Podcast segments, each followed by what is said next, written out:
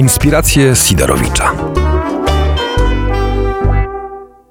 Wojciech Sidorowicz, kolejne inspiracje Sidorowicza. Jestem w miejscu chyba dla mnie też trochę wymarzonym, bo to jest siedziba RMF-u na warszawskim Powiślu.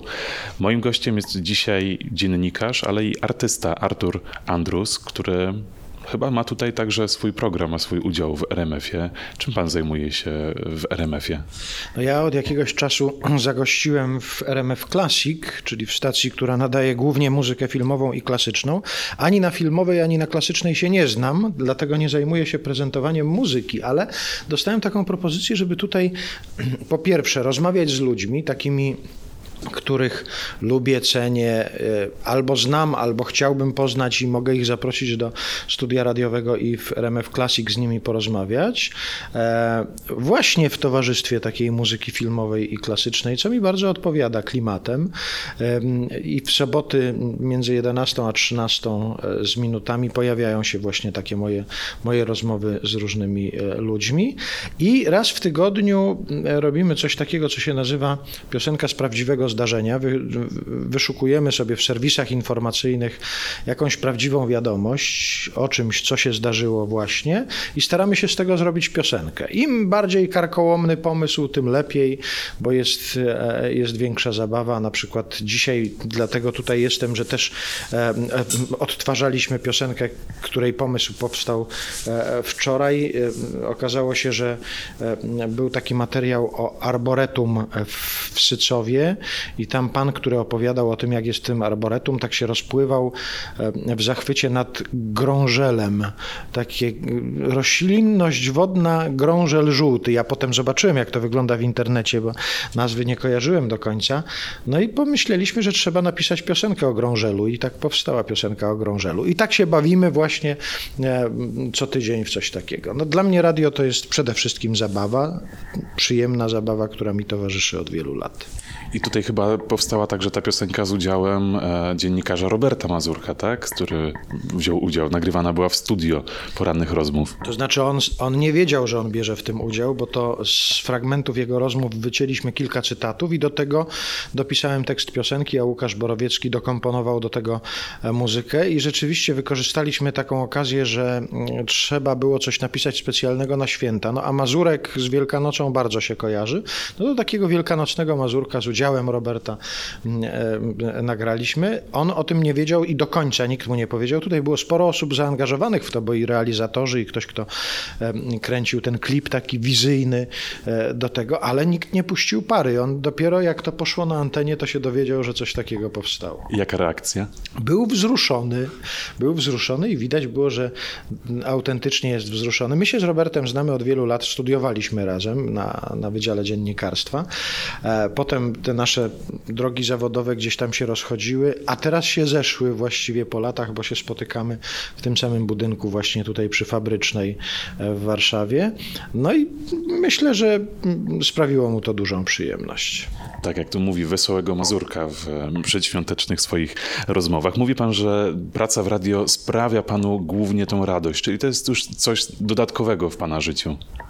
No jeśli by tak mm, sprawdzić proporcje tego, ile czasu spędzam w radiu, na przykład teraz, a ile czasu zabiera mi jeżdżenie po Polsce, występowanie przed publicznością, to rzeczywiście jest to dodatkowa e, część mojej działalności zawodowej, ale zawsze była bardzo ważna. To znaczy ja zawsze chciałem mieć radio gdzieś w pobliżu i coś w radiu robić. Przez dwadzieścia kilka lat robiłem to w polskim radiu, w Trójce. Najpierw w czwórce, potem w Trójce przez wiele lat.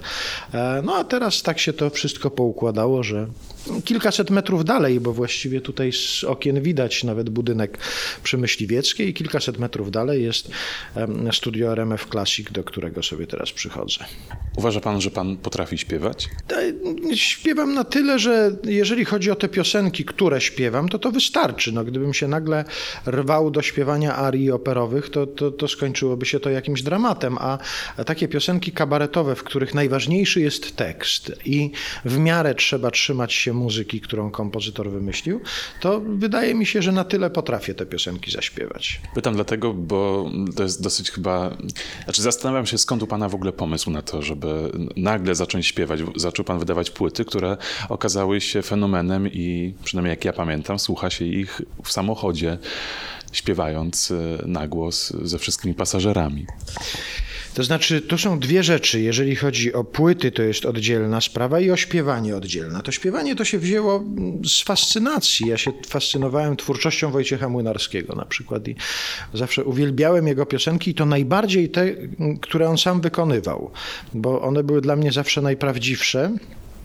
I tak sobie myślałem, że jakby to było miło kiedyś pisać piosenki, a potem jeszcze jakby się okazało, że można je samemu wykonywać, no to to już w ogóle rewelacja. I to z tej fascynacji wzięło się to moje śpiewanie piosenek. A płyty to się pojawiły zupełnie e, niezależnie od tej fascynacji. To znaczy kiedyś na jubileusz listy przebojów trójki ja zaśpiewałem taki kawałek, taki wygłup zrobiłem e, kolegom e, Markowi Niedźwieckiemu i Piotrowi Baronowi. Zadedykowałem taką balladę o Baronie Niedźwiedziu i Czarnej Helenie. Wyszedłem z tym, zaśpiewałem to i usłyszał to szef wytwórni płytowej Mystic.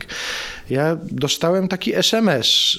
Do dzisiaj mi się nie przyznał, kto mu dał numer do mnie, no ale to już nieważne, już zapomnijmy, to przedawnieniu uległo. Wysłał mi SMS o takiej treści, gdyby kiedykolwiek myślał pan o wydaniu płyty, kontrakt w naszej wytwórni czeka i najważniejsze było postscriptum, bo w postscriptum było napisane, wiem, że to brzmi jak jakiś żart, ale to nie jest żart. Proszę nie wierzyć temu człowiekowi. On w życiu słowa prawdy nie powiedział. Mówię to panu jako ktoś, kto go zna. I kto Od... rozmawia z takimi ludźmi, którzy nie mówią prawdy. To raz, a dwa, ja tego człowieka znam, proszę pana, od 1990 albo 1890, mogę się o 100 lat pomylić. I naprawdę on w życiu słowa prawdy nie powiedział. To raz. A dwa, człowiek, który potrafi zjeść dwie, e, dwie tabliczki czekolady naraz, nie może być wiarygodnym rozmówcą. To ja też nie jestem wiarygodny w takim razie. No. I to był Robert Mazurek właśnie, o którym rozmawialiśmy przed chwilą a propos... To nie byłem ja, to był kto inny. o którym rozmawialiśmy przed chwilą a propos e, piosenki. I oczywiście nikt nam nie uwierzy, że nie, nie wymyśliliśmy sobie tego, ale po prostu Robert Mazurek przechodził, zobaczył, że e, ktoś stara się ze mną nagrać poważną, normalną normalną rozmowę i postanowił to zniweczyć. On ma taki styl bycia. No, Czyli co? W redakcji RMF-u nie jest poważnie w takim razie? Pewnie są takie momenty, że jest poważnie, bo mm, pewnie są ludzie, którzy się zajmują poważnymi rzeczami, ale bardzo mi odpowiada to, jak tutaj wszedłem kiedyś, mówiąc dzień dobry, nazywam się Artur Andrus i będę tutaj e, od czasu do czasu się pojawiał. Bardzo mi odpowiada to, że tutaj przede wszystkim jednak też się czuje życie towarzyskie. W ogóle radio to jest taka instytucja, że jak zanika życie towarzyskie w takim radiu. Ja nie mówię o tym, żeby jeździć ze sobą na wakacje koniecznie, żeby potem, nie wiem, dzieci sobie razem do chrztu trzymać na wymianę czy coś takiego. Nie. Tylko jeżeli wchodzi się do radia i nie czuje się tego, że pracuje się z fajnymi ludźmi, kolegami, w których towarzystwie miło się jest, to nie ma sensu tego robić w ogóle, bo to za chwilę będzie widoczne, że jest to tylko ciężka praca, nie, nie dająca żadnej satysfakcji, może poza pieniędzmi, chociaż radio też zazwyczaj pieniędzy nie daje. No ale będzie to słychać na antenie, że coś jest nie w porządku. Tutaj cieszę się, że przyszedłem i od razu poczułem, że to są fajni ludzie, z którymi chce się pracować i, i, i jest miła atmosfera. Pan chyba lubi spotykać e, fajnych ludzi, z którymi się miło współpracuje, chociażby przyjaźń z panią Czubaszek, czy, czy także um, obecność w szkle kontaktowym. Um, ten epizod lubi pan komentować? Bieżące wydarzenia, to co się dzieje? Nie lubię, nie lubię, ale robię to od kilkunastu lat. Akurat jeżeli chodzi o szkło kontaktowe, to był też efekt życia towarzyskiego, bo Grzegorz Miecugo, w którym mnie zaprosił do, e, do szkła kontaktowego i Tomek Sianecki, e, to byli moi koledzy z trójki. Ja ich poznałem w radiu. Padła taka propozycja, że będą robić w telewizji jakiś program. Nikt nie wiedział, co to za program, ile on będzie trwał. Prawdę mówiąc, po latach, jak rozmawialiśmy, to każdy przewidywał, że to rok może potrwa i, i się skończy, a tu się okazało, okazuje, że to już kilkanaście trwa. I też ja z takiego względu towarzyskiego zacząłem tam chodzić, a to, że tam się komentuje głównie polityczne wydarzenia, na których ja się nie znam, to znaczy ja się znam na polityce tak, jak się mniej więcej każdy zna, kto ogląda, coś słucha, czyta. No tyle. Natomiast nigdy się nie, nie próbuję porywać na jakikolwiek poważny komentarz, bo wiem, że nie będzie poważnym komentarzem, bo to rzeczywiście, żeby coś przeanalizować, coś e, wywróżyć, coś e, skomentować tak poważnie, to trzeba mieć dużą wiedzę na ten temat. Ja mam taką wiedzę powierzchowną, taką po prostu czerpaną z codziennego oglądania, słuchania czy, e, czy czytania. Ale ten program ma taką formułę, że to my tego nie ukrywamy, proszę bardzo. Można do nas zadzwonić, dzwonią ludzie, którzy tak samo się znają na tym jak i my. O to chodzi, żeby trochę spuścić powietrze z tego nadętego takiego politycznego, e, politycznej dyskusji. E, a jeszcze nawiązując do na przykład Marii Czubaszek, którą pan e, wymienił, to rzeczywiście jest tak, że uważam, że to jest największa zaleta tego zawodu, że się spotyka takich ludzi, których by się nie spotkało w innych okolicznościach. Te wszystkie moje znajomości, które nawet potem czasami przeradzi, e, przeroziły się, przeraziły się mi wyszło jakoś, ale miało być przerodziły się.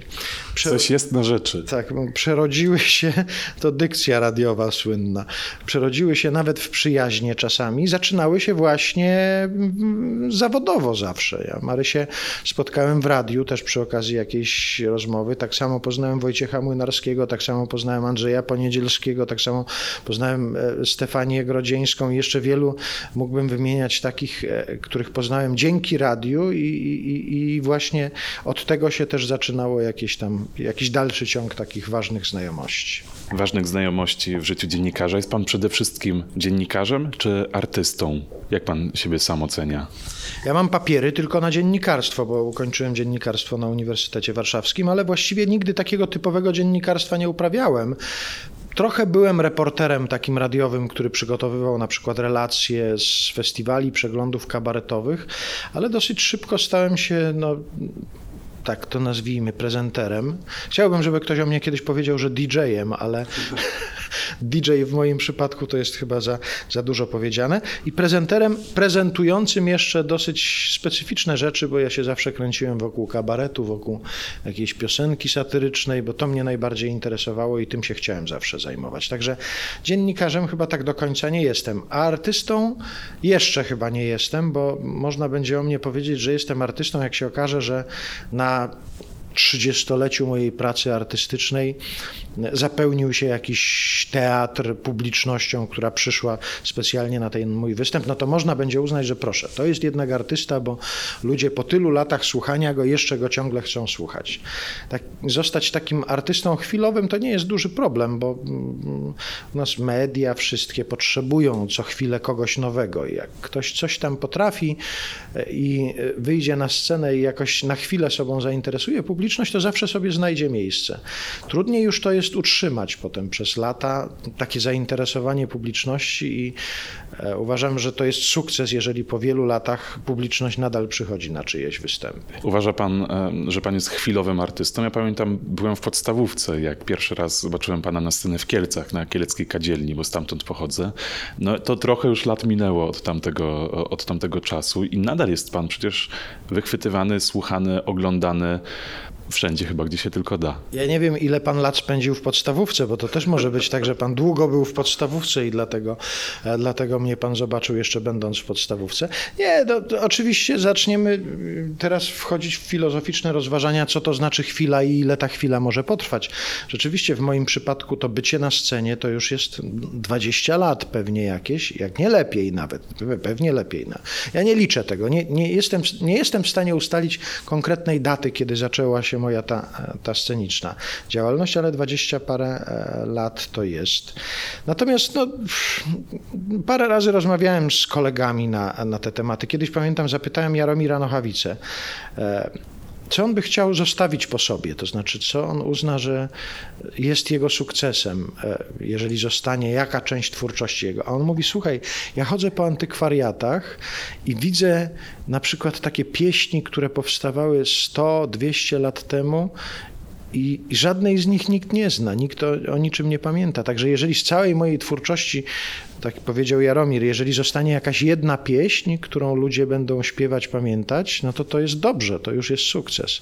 Bo teraz, póki ja jeszcze te piosenki śpiewam, no to, to, to, to e, wiadomo, że one sobie trwają, ale czy one będą trwały beze mnie, to, to nie mam takiej pewności.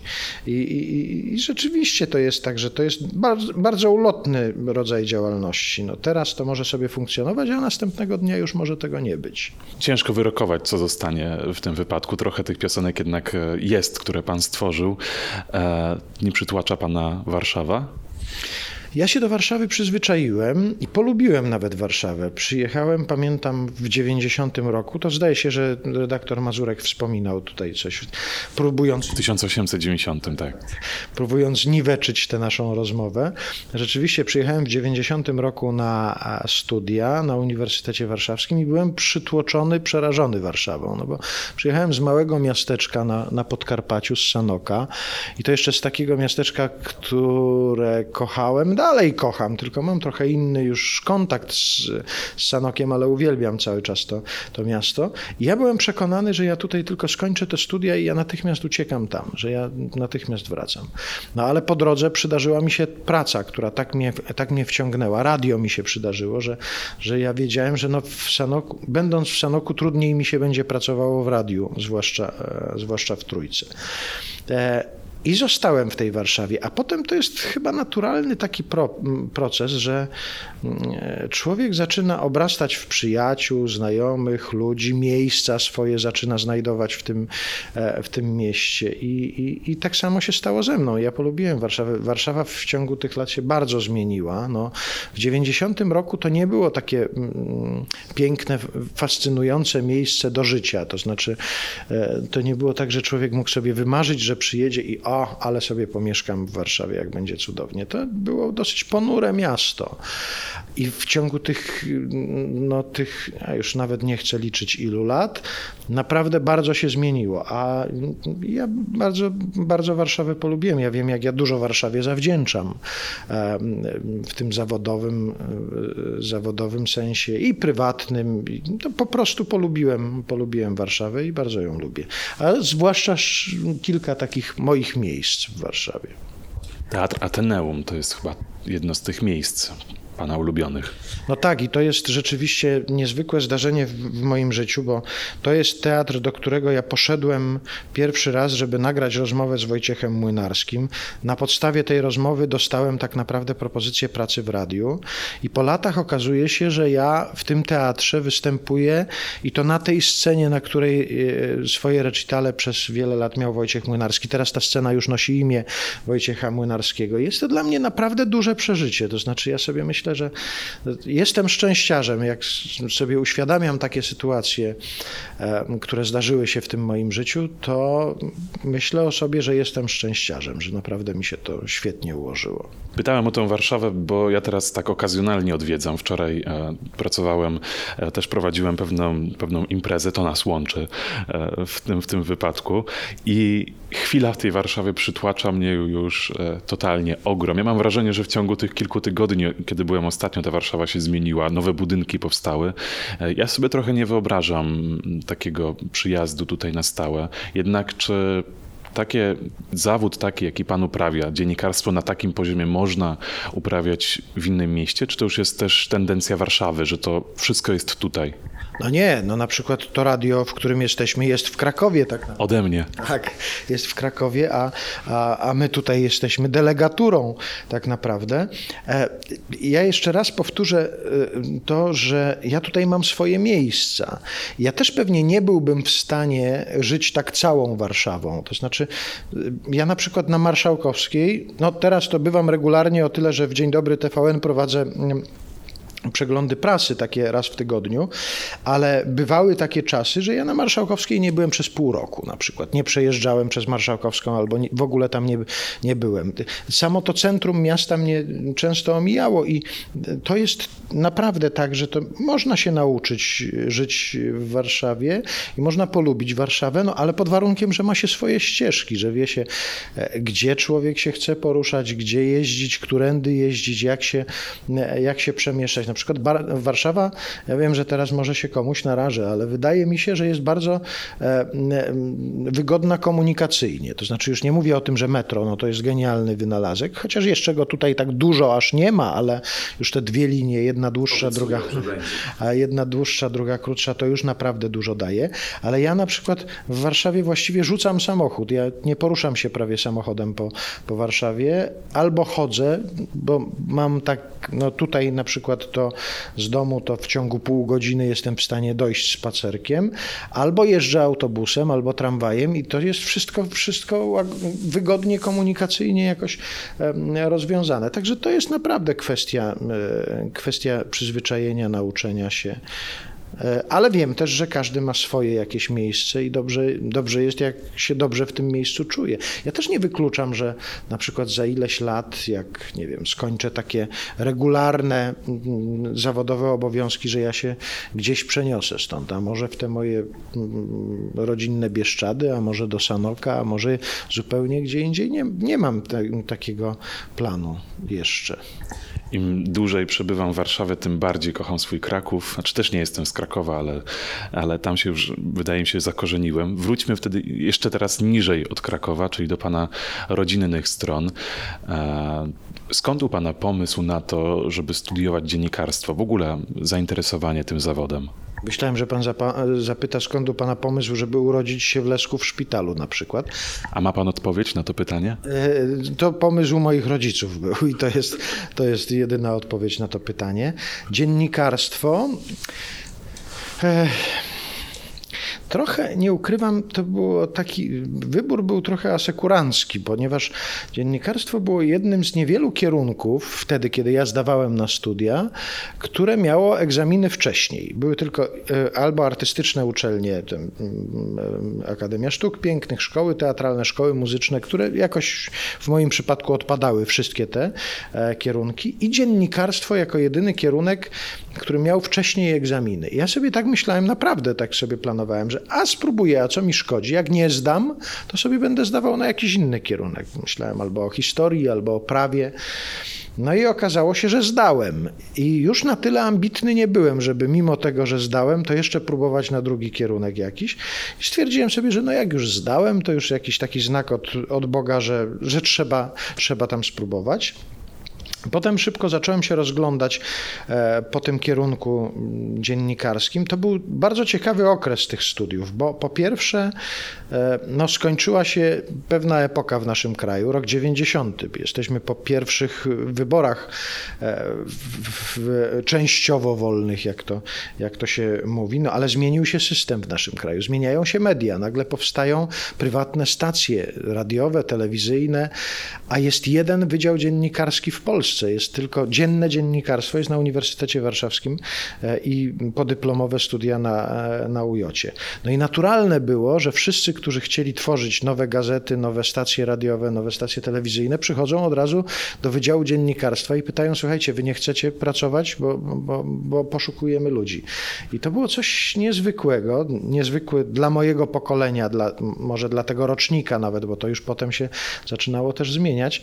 Czas, kiedy właściwie na drugim roku roku studiów my już wszyscy gdzieś pracowaliśmy i każdy z nas miał jakieś zajęcie takie typowo dziennikarskie i e, już w pracy uczyliśmy się tego zawodu, a to jest taki zawód, którego się można nauczyć tylko w pracy, tego się nie nauczy inaczej, to znaczy można sobie kupić podręcznik dziennikarstwo w weekend, ale niewiele z tego potem wynika, no, można sobie to przeczytać i potem trzeba się tego jednak nauczyć. Także te, te, te studia dziennikarskie, ja wspominam e, z, z takim sentymentem. Z jednej strony to nie były bardzo przeciążające studia, ale z drugiej strony rzeczywiście większość naszych wykładowców zdawała sobie z tego sprawę i oni nam to wprost mówili. Wy się tutaj siedząc na wydziale nie nauczycie tego. Owszem, proszę bardzo, jakieś tam polski system prasowy, historia prasy i tak dalej, to my wam parę rzeczy takich podpowiemy, ale reszty to się musicie nauczyć sami już pracując gdzieś w jakichś redakcjach. I nas szybko wypychano do takiej pracy podczas studiów dziennikarskich. No i jakoś to mi a potem ten szczęśliwy traf z tą pracą w radiu i ja już wiedziałem, że chciałbym, żeby to było moje miejsce na resztę życia. A szedł pan z takim e, zainteresowaniem tymi studiami, z taką mm, radością i podekscytowaniem, że będzie studiował dziennikarstwo, czy raczej u mnie było tak, że jak mm, studiując dziennikarstwo, wszyscy mi odradzali. Dziennikarstwo jako drugi kierunek, nie iść na dziennikarstwo, to studia, mm, które niczego cię nie nauczą. I w sumie do tej pory też, e, też tak się mówi, czyli ktoś, kto idzie na dziennikarstwo, nie powinien robić czegoś jeszcze dodatkowego.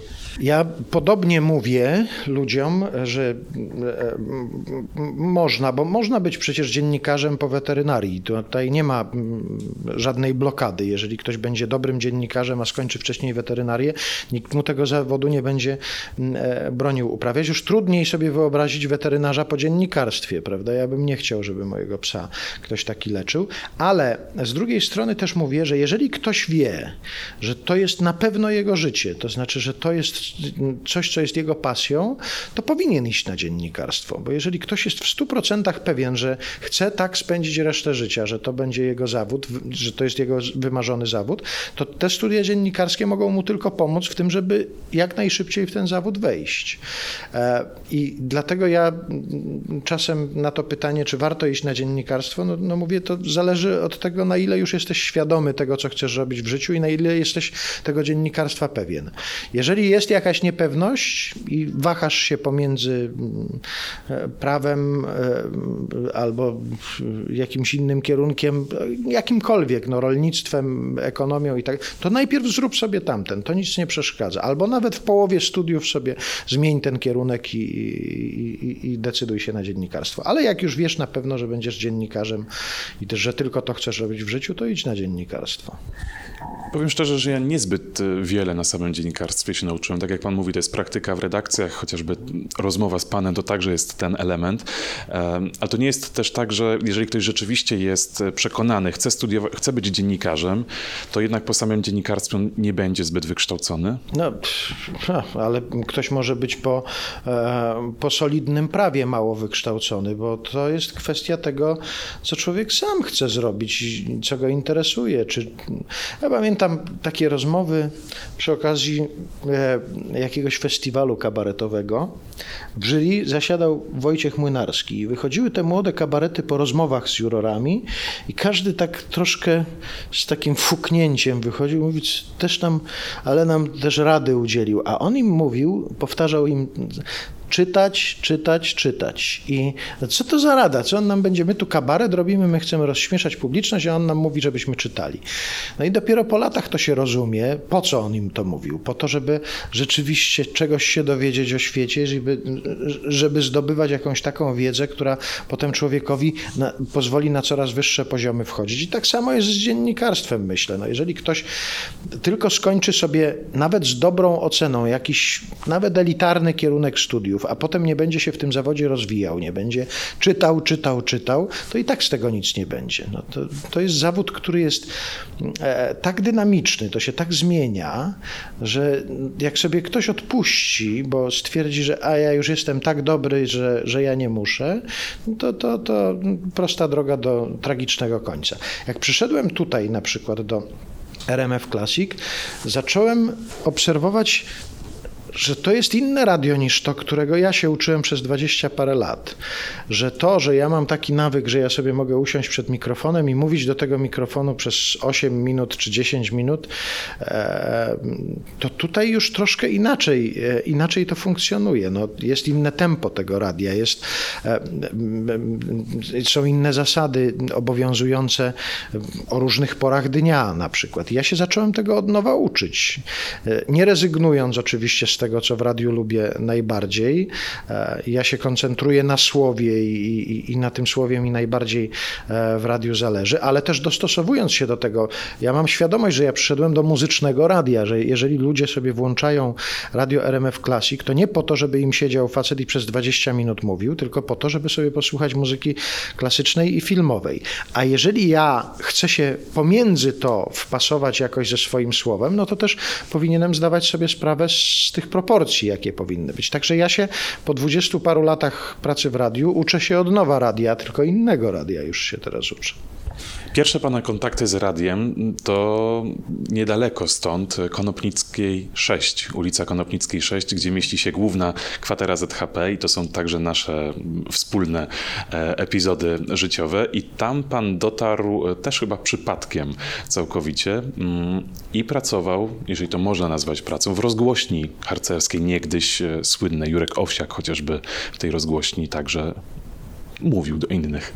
No, przez rozgłośnię harcerską to się przetoczyły tłumy ludzi, którzy potem pracowali w radiu, bo to w tamtych czasach, czyli e, jeszcze bardziej pewnie to się tego doświadczało przed 90 rokiem, ale jeszcze jak ja w 90 roku pojawiłem się w Warszawie, w 91 drugim zacząłem się rozglądać za jakąś możliwością um, uczenia się radia, to to było takie miejsce, do którego można było przyjść z ulicy. Po prostu przychodziło się, mówiło, słuchajcie, ja chciałbym się nauczyć radia i oni mówili, no to ucz się, no to chodź i, i, się ucz.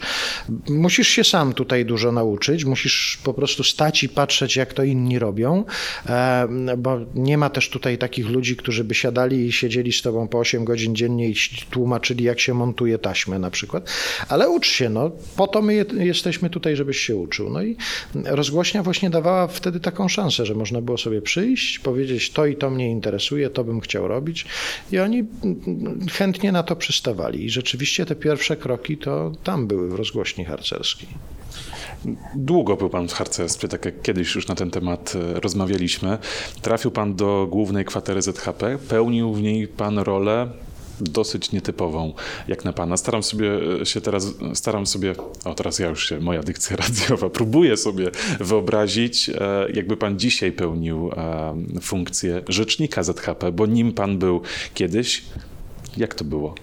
No ja sobie tego nie próbuję wyobrazić, bo e, ja jednak wspominam ten epizod, to znaczy harcerstwo nie było w moim życiu nigdy epizodem, było czymś bardzo ważnym. Miałem mnóstwo przyjaciół jeszcze z czasów harcerskich i bardzo, e, bardzo harcerstwo lubię i jest dla mnie ważne w moim życiu.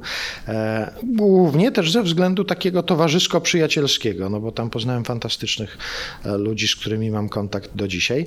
A jeżeli chodzi o tę pracę, no to to był jednak epizod i taki epizod dla mnie troszkę, no to była trochę urzędnicza praca. To znaczy, to było trochę na takiej zasadzie, że ja musiałem śledzić publikacje, jakieś próbować publikować coś na temat harcerstwa właśnie, przebijać się do mediów z takimi informacjami, a nie łudźmy się, to nie jest najatrakcyjniejszy temat dla komercyjnych stacji telewizyjnych. Już ja to sobie wyobrażam, jak fakty TVN zaczynają się od e, relacji ze zbiórek harcerskich na przykład. Oczywiście o harcerstwie mówiło się zawsze głośno wtedy, kiedy coś niedobrego się wydarzyło, kiedy jakiś nie, nieszczęśliwy wypadek czy coś takiego, no to wiadomo, no ale od, to wtedy się mówi o wszystkim, e, no bo to jest, e, to jest coś, czym, czym żyją media, jakąś sensacją taką.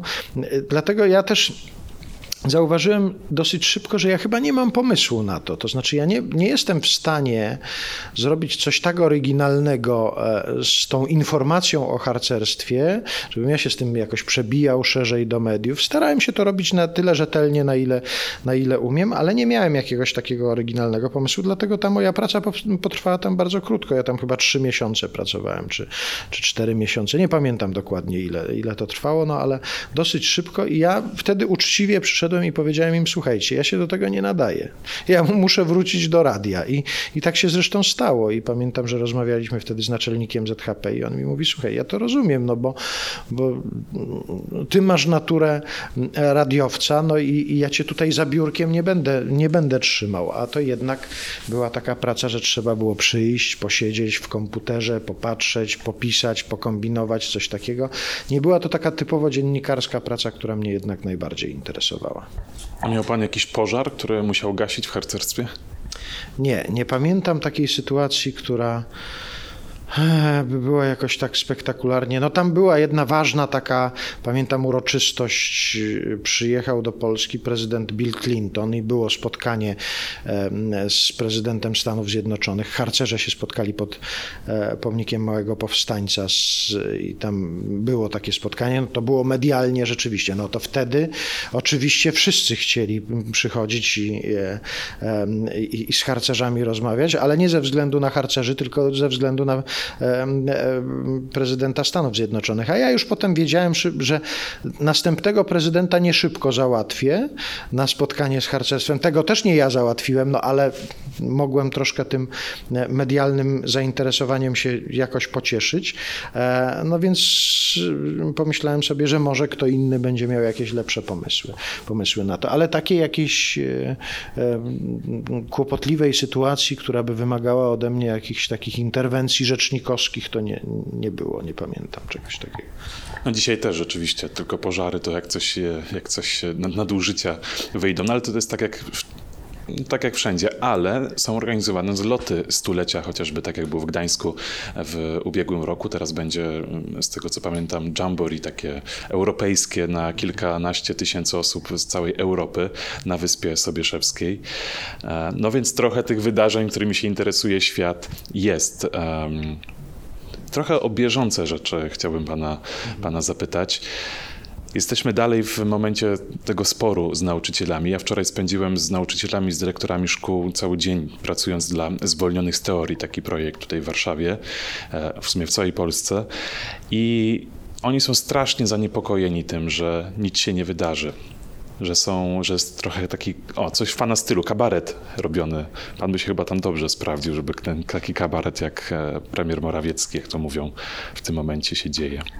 Ja myślę, że tutaj naj, e, najgorszą sprawą jest ten stan e, upokorzenia nauczycieli. To znaczy, że oni chyba czują się coraz bardziej upokarzani tym, że nic się wokół tego nie dzieje, że ewidentnie na przeczekanie mm, się tutaj postawiło, że strona rządowa stwierdziła, no to proszę bardzo, powiedzieliśmy wam maksimum tego, co możemy i, i koniec. I więcej nie ma o niczym dyskusji. I jakiekolwiek mm, kolejne próby, e, próby dyskutowania czy rozwiązywania tego problemu no są, mm, są traktowane jako absurdalne propozycje, do których, na które się w ogóle nie zwraca uwagi. I ja widzę, ja mam wśród znajomych paru, e, paru paru nauczycieli i widzę, że ten, ten, to poczucie upokorzenia jest dla nich najgorsze, że oni Przecież wszyscy wiedzą tak naprawdę, że oni uczniom nie zrobią krzywdy. To mówienie o tym, że się uczniów bierze za zakładników jest bzdurą kompletną, bo przecież wszyscy doskonale wiedzieli, że egzaminy się odbędą, że matury się odbędą, że przecież nauczyciele nie zrobią tego swoim uczniom, z którymi spędzają e, parę lat i z którymi są naprawdę emocjonalnie zżyci i, i traktują ich jako bliskich sobie ludzi. Nie powiedzą im na tym etapie, a, to, a co mnie to obchodzi, róbcie sobie co chcecie, matury nie będzie będzie, że to się wszystko odbędzie, że nauczyciele jednak to, to zrobią. I ta świadomość, myślę, drugiej stronie też pozwala na, e, na takie swobodne traktowanie tego tematu. Przecież i tak to się odbędzie. Będziecie musieli to zrobić. Za chwilę się pojawi ten problem bytowy, no bo jak mm, strajk potrwa miesiąc, na przykład, to się okaże, że przez miesiąc e, ci ludzie nie zarobią żadnego, żadnych pieniędzy, a pozbawienie i tak już marnych pensji E, tych nauczycieli, to, to, to będzie naprawdę bardzo, mm, bardzo trudna rzecz. No i właśnie pojawia się ten, to, to takie mm, poczucie upokorzenia, nietraktowania poważnie tego, tego problemu. No i jest mi smutno, jak na, to, jak na to patrzę. Ja mam mm, bardzo dobre wspomnienia ze szkół. Pewnie miałem paru słabych nauczycieli, bo zawsze się tacy trafiają, ale e, jak sobie przypominam, to od tych najmniejszych szkółek gdzieś tam w Bieszczadach, do których chodziłem do, e, do czasów uniwersyteckich, ja zawsze trafiałem na nauczycieli z pasją, na takich ludzi, którzy coś chcieli mi pokazać, nauczyć mnie czegoś, zachęcić do tej nauki. I teraz jak sobie myślę, że Minęło kilkadziesiąt lat w tej wolnej Polsce, a ich sytuacja się nie zmienia i ciągle są traktowani jako, jako ostatnia kategoria ludzi, którymi się trzeba e, zaopiekować i z którymi się trzeba dobrobytem jakoś podzielić, no to, to jest mi najnormalniej w świecie smutno. No, bo, bo dlaczego tak, dlaczego tak ma być? Wczorajsza decyzja premiera Morawieckiego dotycząca klasyfikacji maturzystów. Nie wiem, czy dobrze to zrozumiałem, ale jeżeli nie Rada Pedagogiczna, to dyrektor, jeżeli nie dyrektor, to samorządowiec e, będzie mógł dopuścić do matury. No to też jest kolejny etap pokazywania, że my sobie bez was poradzimy, że, że jak nie chcecie, to, to, to proszę bardzo. Jak samorządowcy nie będą chcieli, to wojsko będzie klasyfikowało. Może następny może być taki krok. Nie zaskoczyła mnie ta decyzja, bo ja się spodziewałem tego, że kolejne decyzje będą szły w tym kierunku, że pewnie też i ta strona rządowa nie chce się ugiąć przed, nie chce się ugiąć przed e, żądaniami finansowymi na przykład, bo się boi, że pojawią się następni z takimi żądaniami. Ale z drugiej strony ja sobie myślę, jeżeli od długiego czasu mówi się, że gospodarka jest w tak świetnym stanie, e, pan premier regularnie się pojawia i mówi, że no są same sukcesy finansowe, uszczelniona, uszczelnione wpływy z podatku VAT, mamy mnóstwo pieniędzy, w związku z tym możemy te pieniądze dać i tym, i tym, i tym, i tym, to co się dziwić, że przychodzą kolejni i mówią, zaraz, ale dlaczego nam nie dajecie? No, jak, jak jest tak dobrze i można się wreszcie podzielić, to pamiętajcie też, e, też o nas. No i na pewno jest to, jest to trudny moment i, i trzymam kciuki za, za, za nauczycieli, żeby, żeby im się udało. Zdaję sobie sprawę z tego też, że tu są zaległości wieloletnie, że to nie jest kwestia tylko, tylko tego rządu, ale ten rząd teraz e, odpowiada za, za nasz kraj, no i, i, i skoro twierdzi, że jest tak fantastycznie i że mamy się czym dzielić, no to dzielmy się po prostu. A pan już swoją krowę zakupił? Jeszcze nie, ale też właśnie się zastanawiałem, bo mam trochę rodziny na wsi mm, i nawet niedawno rozmawiałem na ten temat z mamą. Mama właśnie mówi w ten sposób, że popatrz, przecież tam nikt już nie ma żadnej krowy, bo wszyscy polikwidowali te gospodarstwa, krowy, świni, przecież nikt, no poza ludźmi, którzy traktują to jako pewien rodzaj produkcji, prawda, takiej hodowlanej, ale w takich normalnych, małych gospodarstwach e, wiejskich e, zwierząt prawie już nie ma. I jakoś się nie spodziewam, żeby nawet mimo tych dopłat, żeby nagle nagle tam się zaczęły pojawiać krowy. Ale obym się mylił, bo ja pamiętam z dzieciństwa, jak była u babci krowa i to takie zsiadłe mleko trzymane gdzieś w piwnicy, które się kroiło. Chętnie bym takiego spróbował jeszcze, także kto wie, czy ja sobie tutaj na Mokotów jakiejś krówki nie przysposobię i gdzieś nie będę sobie do RMF-u chodził, tutaj będzie się na fabrycznej pasła. Miałem taką nauczycielkę w podstawówce, która chodziła do szkoły z krową, naprawdę. Bo ja w wiejskiej szkółce się uczyłem. No i nasza polonistka przyprowadzała ze sobą krowę, przypinała ją tam gdzieś w pewnej bezpiecznej odległości od szkoły, tak żeby ją miała na widoku, ale żeby też krówka się tam mogła paść. może, może to pora wrócić do tego. Ja nie wiem, czy to dobrze, że ja powiedziałem to, co powiedziałem, bo teraz rząd to podchwyci i na przykład każdemu nauczycielowi da, da dopłatę na krowę i teraz się zacznie dopiero. Właśnie tak pomyślałem, że pana nauczycielka już przewidziała, co się wydarzy w przyszłości, jakie te rzeczy będą się działy. To w takim razie życzę wszystkim i panu także tutaj na Mokotowie krowy e, i do, dodatku. Tak, życzę panu krowy. Bardzo dziękuję za rozmowę. Moim gościem był Artur Andrus. Kolejna nasza rozmowa. Mam nadzieję, że jeszcze niegdyś wrócimy do kolejnych tematów. Z przyjemnością. A teraz powinniśmy pójść i sobie kupić po dwie tabliczki czekolady, bo przecież Mazurek nas wydał, że, że jemy czekolady namiętnie, no to trzeba jakoś to uczcić tę rozmowę teraz. Dokładnie tak, bardzo. Ja, ja mleczną i białą. To ja tylko mleczną. Bez żadnych dodatków w środku? Najchętniej bez żadnych dodatków, tak. To jest najlepsze wtedy. Czyli jednak do czegoś się krowy przydadzą. Jeżeli mleczna czekolada ma być, dalej to niech będą krowy. Inspiracje Sidorowicza.